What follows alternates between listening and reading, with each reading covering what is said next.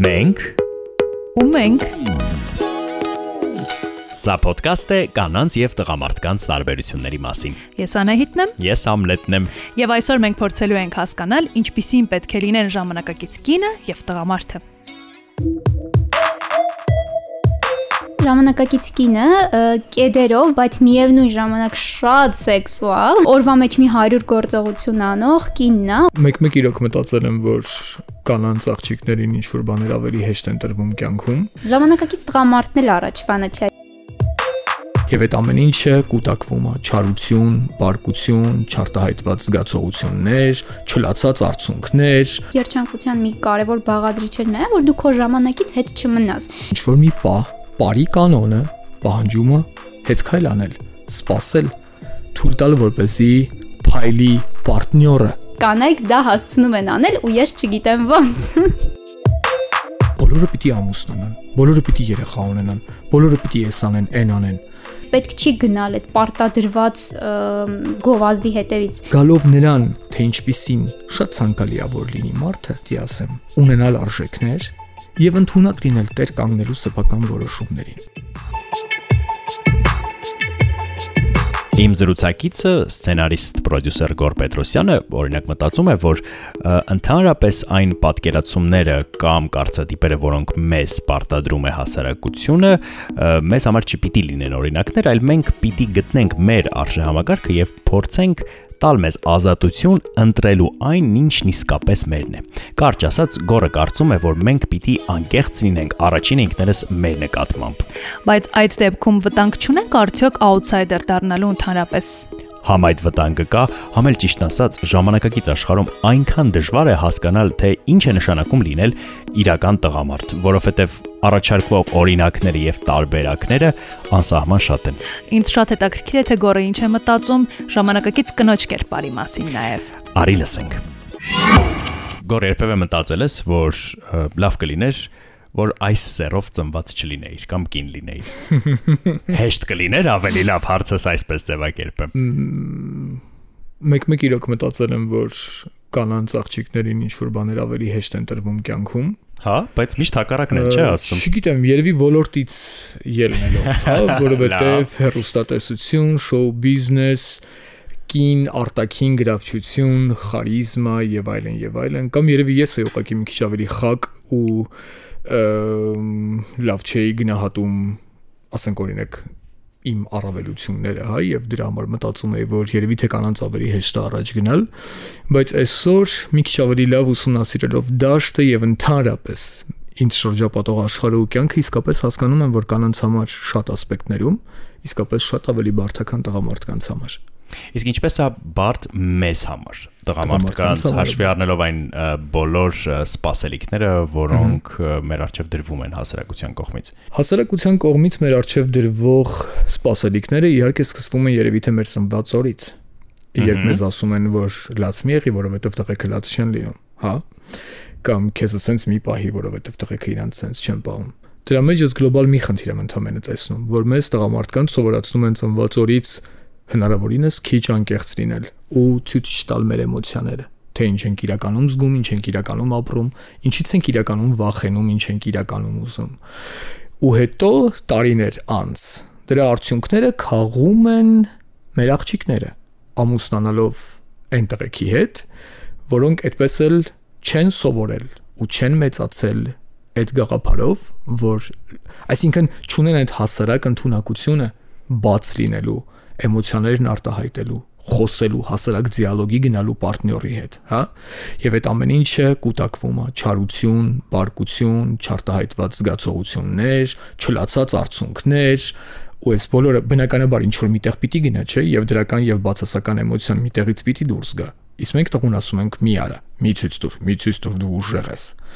Եվ այդ փոքրիկ սրիվերը, հա, այդ պորտկումները, որոնք վաղ թե ուշ սկսում են գլուխ բարձրացնել, իհարկե այստեղ տարբեր հանգամանքներ կան, որոնք գումարվում են։ Խառնված, դասիրակություն, երրորդ, չորրորդ, որոշ տղամարդկանց մոտ ստանում են շատ ագրեսիվ վայրենի բնույթ, որոշ տղամարդիկ կարողանում են դա իրենց մեջ սանձել։ Բայց ամեն դեպքում այն ինչ որ մենք շատ հաճախ անվանում ենք չինքնահաստատված, չկայացած մարդ, իրականում ես դրա հետևում տեսնում եմ հասարակ մեկին, ով ուղակի չի ունի այդ բարձ մարդկային ունակությունները խոսելու իր ցանկությունների, իր ապրումների, իր վախերի մասին։ Եվ քանի որ նա չգիտի, որ դիալոգով կարելի է հարց լուծել, քանի որ նա չգիտի, որ սերն էլ ցասումն էլ արտահայտվել գիտեն, շատ հաճախ դա ավարտվում է ուղակի բղավոցով, կոտրված ափսեով, բռունցքներին, հա, ասենք, չգիտեմ, զոր տալով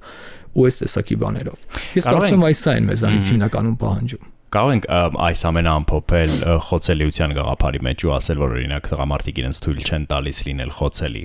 եւ արդյոք դա առաքինություն կարել կարող ենք համարել ես հասկանում եմ այսպես որ լինի կին թե տղամարդ ու եթե մենք խոսում ենք հարաբերությունների մասին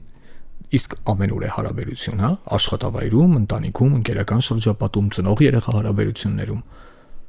Ամենակարևորը ազնվությունն անկեղծությունը եւ դիալոգի մեջ մտնելու ընդունակությունը։ Եվ իհարկե պատասխանատվության զգացումը։ Այսինքն եթե մենք ընկերներ ենք, եթե ամուսիններ ենք, եթե մենք ծնող ու երեխա ենք, բոլորս փոխհամագործակցության ձևաչափերը ենթադրում են որոշակի քայլեր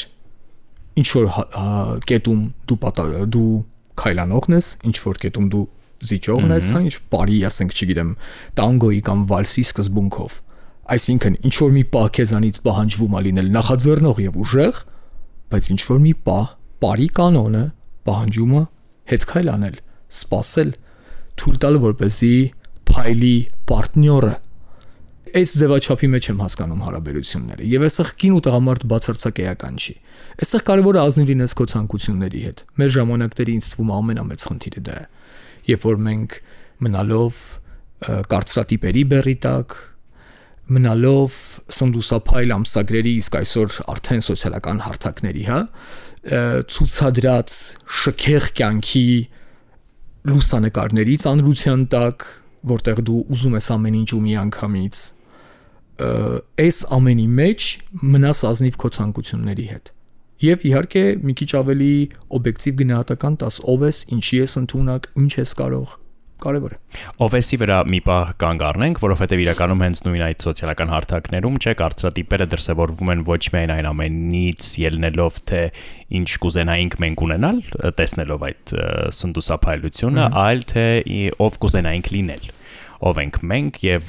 որոնք են այն մոդելները ճակերտավոր, որոնք մեզ թելադրում են թե ինչպիսին պիտի լինի օրինակ տղամարդը կամ ինչպիսին պիտի լինի կինը։ Տղամարդու դեպքում աշխարհում կա սերերի միջև այդ ֆլուիդության երևի թե տենդենսը, չէ, որ փորձում են այնպես անել, որ մեր սերի կարծրատիպային մոտեցումները, թե ինչպեսին պիտի լինի տղամարդը, մի քիչ կոտրվի եւ մի քիչ ավելի թեթև անցում կատարվի դեպի անսերությունը կամ գուցե նաեւ այն հատկանիշներին, որոնք կարող են կարող էին ժամանակին միայն կնոջ դեպքում կիրառելի համարվել բայց Հայաստանում սա իհարկե անհնար է այսպես ընդունելի դարձնել կամ համենայն դեպս դրա ելքը ես այս պահին չեմ տեսնում կարող ենք ասել որ հայ դղամարդու վրա այդ ծանրությունը շատ ավելի մեծ է հայ դղամարդու վրա ինձ թվում է այսօր ոչ այդքան մեծ է թե ինչը պահանջում մեդիան շոու բիզնեսը եւ սոցիալական հարթակները, որովհետեւ այնուամենայնիվ մեր տղամարդկանց իհարկե նաեւ շատ կարեւոր է հասկանանք թե որ սերնդի մասին ենք հա խոսում որովհետև եթե նայենք ասենք օրինակ վիճակագրությամբ, նույն ասենք Instagram-ի օգտատերերի ճնշող մեծամասնությունը կանայք են եւ ասենք նաեւ տարիքային, հա, բաժանումներով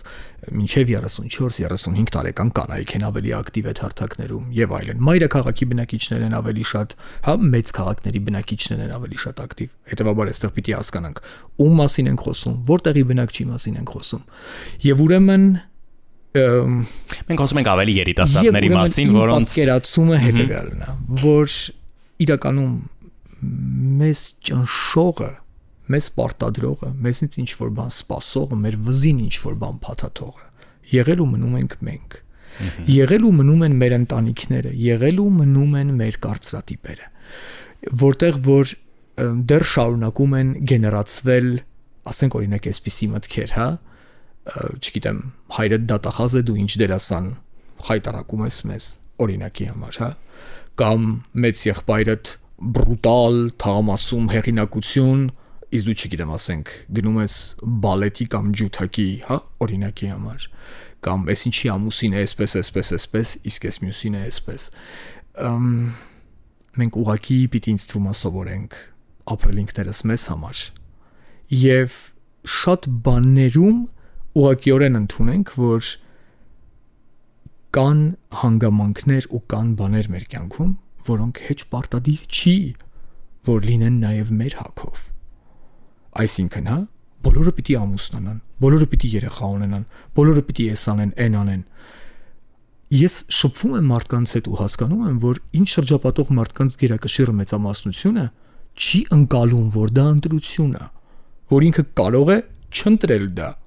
որ ինքը կարող է չուզել դա։ Ոչ, կա ինչ որ մի տեղ, ինչ որ մի բանաձև, համաձայն որի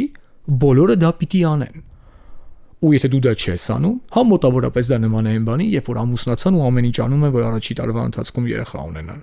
որովհետև կան ներքին այդ համոզմունքը, որ դու դրանով քնություն ես անցնում։ Դու քո բարեկամներին, հարազատներին ու ընկերներին կարծես թե թաքուն տալիս ես այդ կնիքը, որ ես առողջ եմ, կարողացա երեխա ունենալ։ Դրա մասին կարող է երբեք ոչ մեկ չխոսի, բայց իրականում ամեն ինչ գնում է դեպի դա։ Ավելի կարճ ու ավելի հստակ ասեմ, լավ, մենք պիտի սովորենք դառնալ մեր կյանքի տերը ու հասկանալ, որ շատ բաներ, որոնք շրջապատում են մեզ, իրականում ոչ այլ ինչ են, քան ասորտիմենտ, որի միջից մենք կարող ենք ընտրել։ Բայց մեզ ծնված օրից ներշնչում են, որ միայն դա է ճիշտը։ Չունեցար երեխա, դուք ինչ ես։ Չզգացիր մայրության բերկրանքը, հա, ուրեմն դու թերի ես։ Չարեցիր ես ինչ բանը, ուրեմն դու տղամարդ ես։ Եվ ավտոմատ մենք մեծանում ենք այդ ներքին թակուն համոզմունքով, որ դա ոչ թե ընտրություն է, այլ բնականon մի բան, Ու եթե դու դա չունես, եթե դու այդպեսին չես, եթե դու դա չես անում, ուրեմն դու թերի ես։ Իմ առաջին ու կարծես թե ամենամեծ կռիվը այսօր հենց դրա դեմ է, որպես երեք երեխայի papa։ Հիմա եթե այս կռիվը համարում ենք հաղթահարված եւ կա գոնե ինչ որ չափով, հա, եւ կա որոշակի ազատություն ձևավորված սեփական սերի նկատմամբ այս առումով։ Արդյոք այդ ազատությունը կա նաեւ հակառակ սերին պահանջներ ներկայացնելիս կամ դրա մասին մտածելիս կամ այն ակնկալիքների առումով, որոնք կան հակառակ սերի նկատմամբ։ Գորը շատ երկար մտածում է, որովհետև մի պահ հասկացանք, որ ախր ակնկալիքները չէ, որ մենակ մեր սերից չեն, չէ։ Մենք ունենք այդ կարծատիպային մոտեցումը, երբ խոսքը ոչ թե մեր սերին է վերաբերում, այլ մեր ակնկալիքներին։ Իհարկե ունենք։ Դիմացի։ Իհարկե ունենք։ Եվ այդ ակնկալիքներն էլ հեչ ազնիվ չեն։ Ահա։ Հեչ ազնիվ չեն։ Որովհետև եթե օրինակ 27 տարեկան տղան տղամարդը որը պայմանականորեն 15 տարեկանից վարում է ակտիվ սեռական կյանք ու փորձել է հնարավոր ամեն ինչ, ինչ կարելի էր փորձել եւ ոչ մի վարքյան հաշվետու չի եղել ոչ մեկի արժև, որովհետև նույնպես ունի այդ կարծրատիպային մտածելակերպը, որ համոզմունքը, ոչ թե մտածելակերպը, որ իրան կարելի է, որ դա կյանքի դասա, փորձառությունը, բա իհարկե պիտի անցներ, բա իհարկե պիտի փորձեր ու երբ որ ինքն ընտրում է արդեն երկրորդ կես սկսում է զտել, այսպես օգտագործել են մաղը շատ հայկական ֆենոմենի մասին եք խոսում բնականաբար միանգամից դուրս են գալիս բոլոր այն աղջիկները որոնց կարելի է ինչ որ կերպ պիտակել ոչ փնտրում ենք ամենամաքուրին ու ամենաանաղարտին ու նաև հակառակը հաճախ ես տեսնում եմ երիտասարդ աղջիկների մանավանդ հա ես դասավանդում եմ եւ երբեմն ունենում եմ այսպես անկեղծ դիալոգներ ուսանողների հետ եւ գուցե մի քիչ կոպիտ կհնչի որ ասեմ բայց ժամանակ առ ժամանակ իդեմս նրանց ես տեսնում եմ մարդկանց որոնց միտքը ու հոգին դատարկությունից զրնգում են դատարկությունից զրնգում են բայց չկան պահանջները երազանքներ չկան չկան այդ առողջ ամբիցիաները առանց որի մարդը մարդ չի հա ըստ էության չկա այդ գոնե մոտավոր պատկերացումը ինչ ճանապարով իրականացնել իրա նախ թույլ տալ որպեսի արտահայտվի այդ ներքին կൂട്ടակացած ռեսուրսը, գիտելիքի, էմոցիայի ցանկությունների չէ, չկա նման բան։ Կա ուղակի պահանջ ապրելու այսպես ու պիտի լինի մեկը, որը պիտի ապահովի այդ պահանջի իրագործումը։ Դա էլ ազնիվ չի։ Այսինքն, եթե դու կին ես, որը մտնում է հարաբերությունների մեջ, հիմա արդեն խոսում ենք ընտանիքի մասին, եւ դու ոչինչ խաղասեղանին չես դնում, եւ միայն պահանջողի դերում ես։ Եվ հակառակ բևեռում, հա, թե դու տղամարդ ես, որը մտածում է, որ իրան կարելի է ամեն ինչ, եւ փոխարենը ինքը պիտի ստանա բացարձակ հպատակություն, սրանք պահանջներ են, որոնք կարող են գոյություն ունենալ, նորմալ է, բայց ինչ բեքգրաունդի, ինչ ֆոնի վրա։ Դու սեղանին ինչ ես դնում դրա համար։ Այստեղ արդեն ազնիվ չի։ Հհ։ Վերադառնալով մեր սերին եւ ամփոփելով ի վերջո կա ինչ որ հատկանիշ, որը բնորոշում է տղամարդկությունը մեր ժամանակներում, թե մարդը սմարթ լինի անկախ սերից։ Մարդը սմարթ լինի բոլոր ժամանակներում։ Ինչ խոսք բան չունեմ ասելու։ Բայց Ես կարծում եմ, որ մենք բարդ ժամանակներում ենք հիմա ապրում։ Իհարկե, եթե այս հարցազրույցը լիներ 500 տարի առաջ, շատ հեշտ կլիներ։ չէ, նույն բաններ ասելու։ Մենք ապրում ենք բարդ ժամանակներում հաստատ բայց կարծրատիպ ավելի հեշտ կլիներ բռնել երևի թե բայց բայց բայց մենք իրապես ապրում ենք բարդ ժամանակներում որովհետև գիտությունը եւ տեխնիկան այն սրընթաց զարգացումը որ ապրեցին վերջին տասնամյակներում իհարկե նման բան երբեք չի եղել ասում են չէ նույնիսկ որ 20-րդ դարակեսի երկրորդ դարակեսից մինչև այսօր գրանցած այդ տեխնիկական զարգացումները համազոր են մարդկության ամբողջ քաղաքակրթության պատմության զարգացումներին հետեւաբար շատ հարափոփոխ է հիմա ժամանակը ու չափազանց շատ են գայթակղությունները։ Ինչ պիտի ունենա քո թույլտվությամբ? Ոչ թե տղամարդը, այլ թե կին թե տղամարդ։ Մարդը, մարդը։ Մարդը պիտի արժեքներ ունենա։ Որովհետև անարժեք մարդը մարդը, որի համար չկան առաջնահերթություններ էս կյանքում։ Գիտես, եթե ազնվոր են գաս ու ասես, որ ինձ համար արժեք է էս մեքենանը, ու ես ծառայում եմ նրան, ես կասեմ լավ, քո համար արժեք է այդ մեքենան, նա ծառայիր այդ մեքենային։ Եթե քո երջանկությունը այդ մեքենայի մեջ է, այնքան կարևոր է ուղղակի որ անկեղծ լինես դրա հետ։ Դա իսկապես քեզ հաճույք է պատճառում։ Շատ լավ։ Ուրեմն սպառվիր քո ավտոմեքենայով, օրինակ, հա։ Այդպես մենք տեսնում ենք մարդկանց, ովքեր 100%-անոց կախվածություն ունեն սեփական արտակինից որոնք իրենց բոլոր միջոցները, ժամանակը, ջանքերը, ամեն ինչ դնում են իրենց արտակինի վրա։ Հաճույք են ստանում դրանից։ Լավ է իրաց դրանից, շատ լավ։ Ոնց ասում են, դրոշակը քո ձեռքը, հա, փորձենք թարգմանել բայց եթե մենք խոսում ենք իմ պատկերացումներով, քանի որ ես շատ սուբյեկտիվ եմ, պիտի լինեմ հարցը ինձ ադրված, պատասխանողը ես եմ։ Ուրեմն ես իմ տեսանկյունից պիտի խոսեմ։ Մարդը պիտի ունենա արժեքներ, որոնք համատեղելի են իրեն շրջապատող եւ իրենից ինչ որ իմաստով կախված, իսկ մենք բոլորս ենք իրար հետ իրարից կախված մարդկանց պահանջներին ու ցանկություններին։ Այսինքն Եթե ես մտել եմ օրինակ ընտանիք կոչվող գետը, որոշել եմ կասմել ընտանիք, որոշել եմ կյանքս կապել մի մարդու հետ ունենալ երեխաներ, ուրեմն միայն այն բանի համար, որ իմ գլխավոր արժեքը ընտանիքն է, ոչ նրա համար, որովհետև դա պարտադիր է ունենալ։ Ես գիտեմ, որ ես ուղնուց ծով ընտանիքի մարդ եմ։ Ես ընկերական շրջապատի մարդ չեմ, ես պաթոլոգիկ կարիերիստ չեմ, հասկանում եք։ Ես ընտանիքի մարդ եմ ու այս արժեքային համակարգով իմանալով որ դրանից բարձր ինձ համար ոչինչ չկա, ես մտել եմ այդ գետը։ Եվ իմ բոլոր ձեռքբերումները, իմ բոլոր պատերազմները, ներքին ու արտաքին, իմ բոլոր երազանքները, ամեն-ամեն ինչ ի վերջո ծնվում են մոտիվացված իմ ընտանիքից ու գալիս հանգում են իմ ընտանիքի շահերին։ Եվ դա է ինձ հաճույք պատճառում։ Դրանից եմ ես երջանիկ։ Եվ հետեւաբար գալով նրան, թե ինչպիսին շատ ցանկալի է որ լինի մարդը, տղամարդ թեկին, պիտի կրկնվեմ, բայց պիտի ասեմ, ունենալ արժեքներ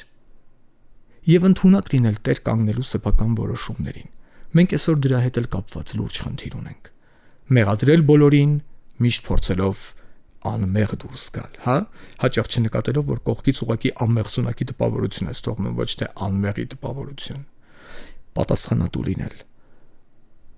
Ունենալ արժեքներ, հետամուտ լինել դրանց ու չլինել եսակենտրոն։ Սոցիալական հարթակները վերադառնալով այդ թեմային շատ մեծ վատություն են այսօր մեզանում։ Մարդը դառնում է խայտարակ եսակենտրոն 800 լուսանկար, որոնցից 799 քո կուրկ Սեփական անձից սելֆիներն են հնարավորինս լավագույն ռակուրսներից։ Չէ, ես էլ ունեմ իհարկե սելֆիներ, բան չունեմ ասելու։ Բայց հաստատ դա ինձ համար կյանքի նպատակ չի, հա։ Չափազանց եսակենտրոն ենք նաև դառնում եւ ամեն ինչ է այսօր բերում դրան։ Եթե ժամանակին մենք բոլորս, նու, դուք չէ, բայց ես դա այդ, ժամանակը տեսել եմ։ Ապրում էինք շատ իրար նման բնակարաններում, կար մի 2-3 տեսակի կահույք բոլորի տները նույն կահույքներ դրած մի 2-3 տեսակի սպասք բոլորի տանը այդ նույն սպասներ դրած 3-4 տեսակի ավտոմեքենա կար բոլորը այդ նույն մեքենաներն էին օգտագործում ապա այսօր ամեն ինչ գնում է դեպի ինդիվիդուալիզմ դեպի եսակենտրոնություն հա ձեր մեքենան դուք կարող եք տյունինգել այնպես ինչպես միայն ձեզ ադուր գալիս եւ ունենալ եզակի նմուշով այդ ավտոմեքենան անկամ ձեր բջջային հեռախոսի պատյանը կարա լինի MPC-ին որպեսին չունի ոչ մեկ հա? Ամեն ինչ գալիս է նրան որ ես ես ինքս սիրելիս պաշտելիս ու այս ամեն ինչի մեջ շարունակել ունենալ արժեքներ որոնք քեզնից դուրս գոյություն ունեն հա? Այսպես արբանյակների նման պատտվում են եւ լինել այնքան ուժեղ որ դու դրան նվիրես ժամանակ դու դրան նվիրես քո երազանքների մի մասը ոնց որ Ալադինը ջինին իր երրորդ երազանքով տվեց չէ ազատության իրավունք դա էլ շատ կարևոր բան է կարողանաս կիսվել կարողանաս տալ մարդկանց չանես անդա դեպի քեզ դեպի քեզ ինձ ինձ ինձ հա օրինակ ներողություն եմ խնդրում շատ ինչ որ կարճ բանաձևային պատասխան չստացվեց բայց երևի դե մարդն էլ այնքան բարդ կերտված կա որի մասին շտրիխային հա այսպես 1-2 բառով չես ասի սպոնտան բայց ուզում եմ ամենակարևոր միտքը իմ հասկացած միտքը տեղ հասցնել մարդկանց, որ սովորեք ձեզնից բացի նկատել ուրիշներին։ Սովորեք հասկանալ, որ այն մարդիկ, ովքեր ապրում են ձեր կողքին, նրանք նույնպես երազանքների իրավունք ունեն, որ նրանք նույնպես ունեն ինքնադրսևորվելու, սեփական կարծիք ունենալու, դա տեղ հասցնելու իրավունք։ Մենք շատ հաճախ ընտանիքներում ու դա մեծ ողբերգություն է։ Տեսնում ենք նաև դրա պակասը, որտեղ կան հրահանգողներ, որտեղ կան ենթարկվողներ, որտեղ կան կամակատարներ ու կան թակավորներ, ինչը ինձ համար ուղակի ողբերգություն է, դա ընտանիք չեղավ արդեն։ Դա ինչ որ, չգիտեմ, մարդիկ են, ովքեր սпасարկում են ավելի բարձր կանգնածների շահերը։ Եվ ցավոք այդ միտումը գնալով սրվում է։ Սրվում է զուգահեռ այն բանի, թե ինչքան եսակենտրոն ենք սովորում դառնալ մենք Իսկ դա իմ կարծիքով իսկապես ողբերգություն է այսօրվա դրությամբ։ Մի բանաձև ամեն դեպքում հասցրինք դուրս բերել, կարևորը այս աշխարհի անդադար առաջարկների միջից արժե համակարգերի կարողանալ զտել եւ գտնել իսկապես մերը։ Շնորհակալ եմ։ Ես եմ շնորհակալ։ Գորը շատ ոչ ստանդարտ մտածելակերպ ունի, ընդհանրապես դա երևում է, բայց այս զրույցից հատկապես երևաց, որ նա ունի ոչ ստանդարտ հայ տղամարդու մտածելակերպ, ինչը իհարկե վատ չի։ Իսկ իմ զրուցակիցը լրագրող Արև Թովմասյանը պատմում էր գնոջ կյանքից մանրամասներ, որոնք ինձ համար Համլետ սпасելի էին, եւ ես եւս մեկ անգամ հասկացա, որ Հայկինը սուպերհերոս է։ Իսկ սпасելի էին արդյոք ակնկալիքները, որը ուներ կամ ժամանակակից կինն ունի տղամարդու նկատմամբ։ Մի քիչ համաձայն չէի Արևի տղամարդու կերպարին վերաբերող մտքերին, որովհետև նա կարծում էր, որ տղամարդկանց կարելի է մի քիչ ավելի թույլ լինել, այսպես ասած, այսինքն կինը ամեն ինչ կհասցնի, կհասցնի, տղամարդուն էլ մի քիչ երես կտա։ Իրականում ինձ թվում է թույլ ու խոցելի լինել պետք է բոլորին, անկախ սեռից։ Արև, ինչպիսին պիտի լինի ձեզ համար ժամանակակից կինը։ Առհասարակ սկսենք նրանից, որ մարդը, իսկ առավել եւս կինը պետքա լինի ամենաառաջինը երջանիկ։ Այդ երևի իմ կարգախոսներից ամենաառաջինն է։ Ես ուրաբար ասում եմ մաման պետքա լինի երջանիկ, որ երեխան լինի երջանիկ, բայց որ ամփոփեմ կարող եմ ասել, որ կինը պետքա լինի երջանիկ։ Այդ որն է։ Իսկ ժամանակակից կինը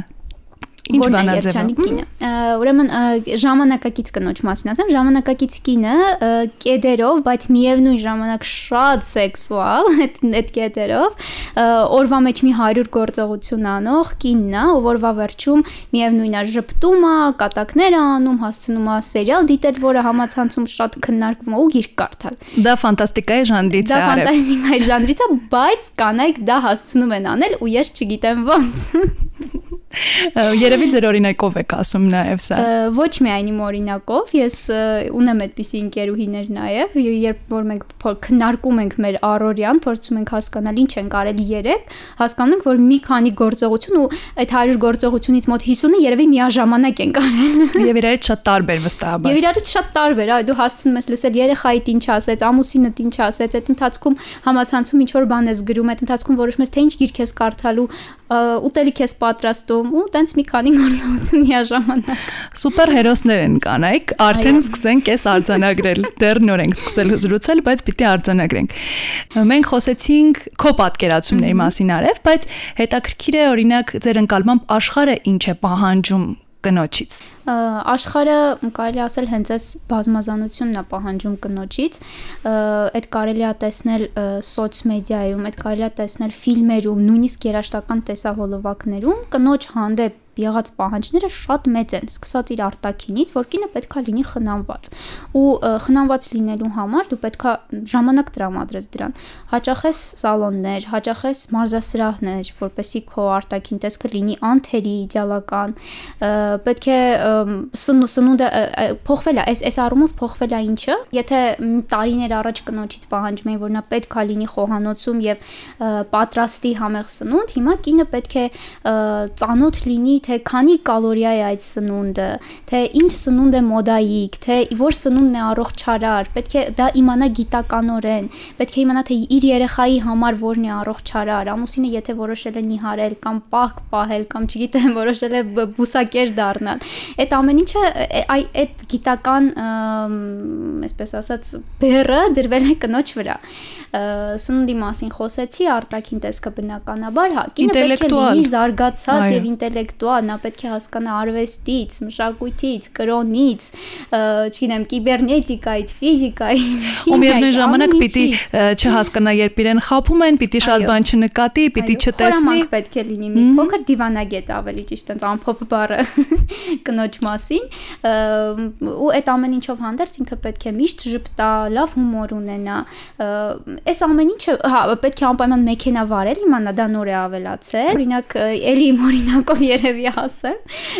ամուսինս ինձ ասում է, որ ես պետք է մեքենա վարել սովորեմ, որով որ եթե որոշենք միասին գնալ ենթադրենք խմելու, ինքը այդ օրը կխմի, ես կվարեմ, բայց քանի որ ես եմ ուզում ալկոհոլ օգտագործել Մնում է երեխային արդեն սովորացնել։ Երեխային սովորացնել։ Այսինքն այդ բոլոր պահանջները դրված են ժամանակակից կնոջ վրա ու չգիտես ինչու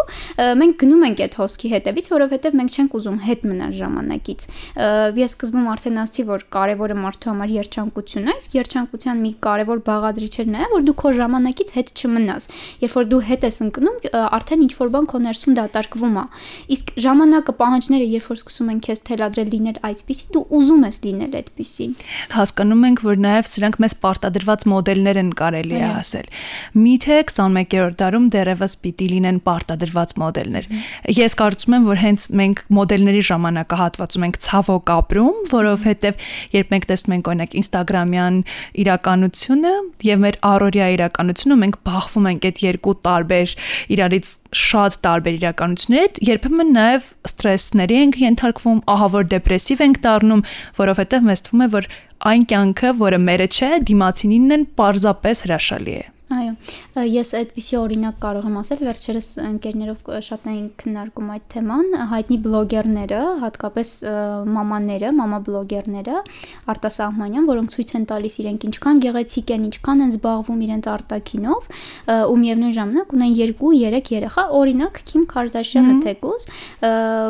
բայց ցույց չեն տալիս թե դրա հետևում ինչ կա, այսինքն ինչ բանակ է կանգնած։ Ինչ բանակ է կանգնած, նրանք ունեն երեխային խնամողներ, ու մեկ մեկը չէ, մի քանիսը բնականաբար տան աշխատողներ ու երբ որ դու տեսնում ես, որ ինչ որ մի կին գեղեցիկ է եւ միևնույն ժամանակ ունի 3 երեխա, սկսում ես կոմպլեքսավորվել ու քո մեջ գտնել, մտածում ես կարող է իմ մեջ է այդ խնդիրը, որ ես չեմ հասցնում։ Բայց երբ որ թարմ բանականությունն է գալիս քեզ մոտ, հասկանում ես, որ չէ, ուղղակի այդ մարդիկ ունեն օգնականներ եւ պետք չի գնալ այդ պարտադրված գովազդի հետևից, որովհետեւ միևնույն ժամանակ դա նաեւ բիզնես է։ Մարդիկ փող են աշխատում իրենց բլոգի շնորհիվ, չգիտեմ, կոսմետիկա արտադրողները փող են աշխատում նրա շնորհիվ, որ ես տեսնում եմ որևէ մեյքափ, որը այս պահին շատ մոդայիկ է ու ես ինքս ուզում եմ ունենալ այդ նույն մեյքափից, դրա համար ինձ պետք է նույն կոսմետիկ միջոցները, ու ես գումար եմ ծախսում դրա համար շատ շատ Բայց ինձ է պետք է զսպել եւ ավելի գիտակից լինել ու գնալ ոչ թե նրա հետևից ինչը քեզ ստիպում են, այլ վերցնել այդ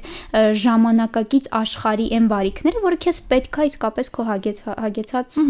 հոգու համար։ Այսինքն մենք պիտի թույլ չտանք, որ մեզ պարտադրվեն արժեքներ, մոդելներ։ Ես լրիվ համաձայն եմ սրա հետ, բայց իհարկե գայթակղությանը դիմանալ այդքան էլ չի ստացվում։ Այ որ ասում եք թարմ բանականությունը, երբ գալիս է հասկանում ես, երբեմն դրան գալը բավական երկար է տևում եւ բավական ռեսուրսները նաեւ մեզնից պահանջում։ Չնայած ես երեխաներ չունեմ, ի տարբերություն քեզ արև, ես միշտ մտածում եմ մենք ģեր զբաղված առօրյավ եւ ģեր լարված առօրյավ ենք ապրում։ Այստեղ անկախ սերից կին թե տղամարդ մենք բոլորս ցկտում ենք ավելի շատ աշխատել, ավելի շատ վաստակել, չգիտեմ, ավելի գեղեցիկ կյանք ունենալ, գուցե նաեւ այդ մոդելների կամ այդ պարտադրանքների հետևից գնալով այստեղ պիտի ընդգծել այն կանանց